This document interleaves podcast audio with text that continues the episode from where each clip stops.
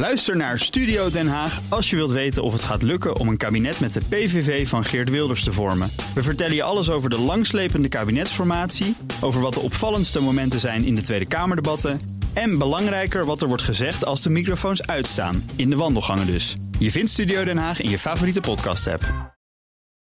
Tech Update. Met Michiel Jurjens. Hey Michiel. Goedemiddag. Ja, het is uh, onverwacht een goede dag voor Nokia. Nokia, ja. Die kwamen vandaag met hun kwartaalcijfers. Cijfers die eigenlijk veel beter waren dan waar analisten vooraf rekening mee hielden. Onderaan de streep uh, iets meer dan 1,1 miljard euro winst. Terwijl een jaar geleden lag dat net boven de 900 miljoen. Dus dat is mooi wat erbij. En uh, de Finnen verwachten voor dit jaar ook een omzetgroei van tussen de 2 en 8 procent. En dat is dan weer een aardig contrast met de grootste concurrent. Dat is Ericsson uit mm -hmm. Zweden.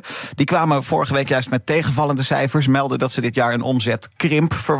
Dus uh, ja. Nokia, daar zal het een leuke dag zijn, ja. En we hadden het net over Mark Rutte, dus daarom moest ik een beetje glimlachen ja. bij Nokia. Maar hoe is het ze gelukt? Want uh, ja, ze verkopen vast niet alleen maar goede telefoons. Nee, nee, nee. Dat was echt een jaar of twintig geleden inderdaad. Toen was het de grote speler, hè, de 3310 onverwoestbaar apparaat. Ja. Kun je van een flatgebouw afgooien en dan doet hij het er gewoon nog steeds. Onze minister-president, die zweert er ook bij inderdaad...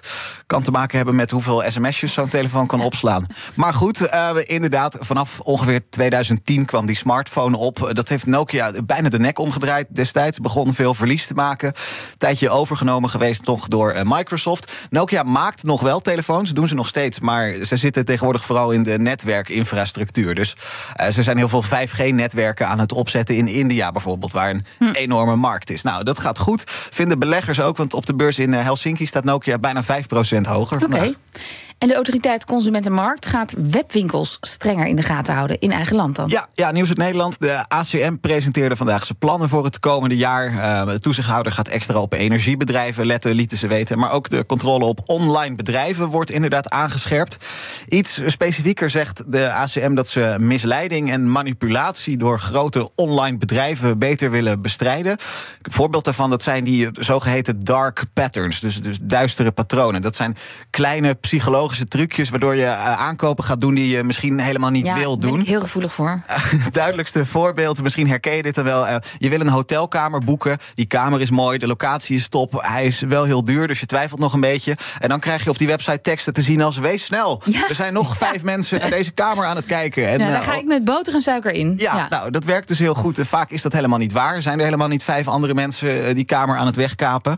Uh, als je dat soort dingen doet, kun je dus de ACM op je dak gaan krijgen. De toezichthouder wil ook meer gaan doen tegen nep-recensies. Ja, over webwinkels gesproken. Italië is bezig om er 13.000 ja. uit de lucht te halen. Wat verkopen die dan? Ja, ja. wat een aantal. Hè? Ja, het is een, een mega-operatie waar uh, autoriteiten in Italië inderdaad deze week mee zijn begonnen. De ontmanteling van mogelijk werelds grootste netwerk van online nepwinkels. Volgens Bloomberg inderdaad iets meer dan 13.000. Um, ontdekt door een Italiaans cybersecurity bedrijf worden waarschijnlijk beheerd door cybercriminelen uit China, vermoeden zij.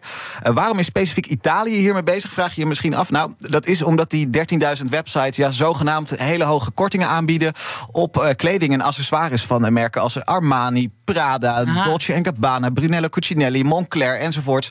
Dus ja, Italiaanse luxe merken met heel veel korting. Ja, en, en, maar wat moet ik dan mij voorstellen bij die nep-websites? Of ben ik daar ook al ingetrapt? Staat er dan uh, 70% korting op een Moncler muts? Ja, ja, ja daar komt het, daar komt het wel op neer. Zo van veel van die mutsen natuurlijk, ja. Lisbeth. Het, het is echt heel slinks. Laten we de Prada als voorbeeld nemen. Wat deze mensen doen, die maken dan heel veel één op één kopieën aan. Echt identiek aan de website van Prada. Met heel veel verschillende URL's. Mm -hmm. Prada, maar dan, maar dan het, met... uh, prado.it of Ja, of uh, Prada met dubbel A op het eind. Uh, weet ik veel. Dus de URL net anders. Maar het ziet eruit precies als die website. Nou, je, je let even niet op. Het lijkt precies alsof je op die website zit. En inderdaad, die Prada-tas die normaal 2500 euro kost... ineens 90% korting. is nog maar ja. 250 euro voor die tas. Nou, kun je gewoon in je winkelmandje stoppen. Kun je gewoon afrekenen, net als op een normale website. Daar merk je verder helemaal niks van. Maar die tas wordt natuurlijk nooit bezorgd. En uh, die criminelen hebben dan ook meteen je creditcardgegevens in handen... waar ze ja. nog meer mee kunnen doen. Nou ja, deze week heeft de Politia Postale de eerste websites uit de lucht gehaald. We zullen ook nog wel even bezig zijn.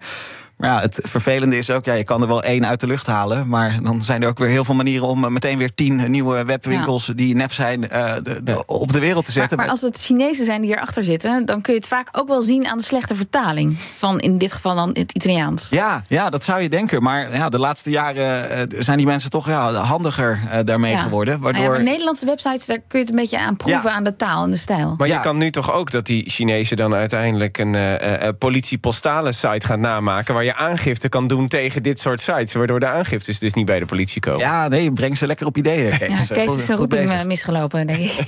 Dankjewel, Michiel Jurjens. De BNR Tech Update wordt mede mogelijk gemaakt door Lenklen. Lenklen. Betrokken expertise, gedreven resultaat. Ook Liesbeth Staats vind je in de BNR-app. Ja, heel handig. Luister live naar Kees en mij tijdens de Daily Move. Dan blijf je ook gelijk op de hoogte van breaking news en het laatste zakelijke nieuws. En daar vind je ook alle BNR-podcasts, waaronder de Perestrooikast. Download nu de gratis BNR-app en blijf scherp.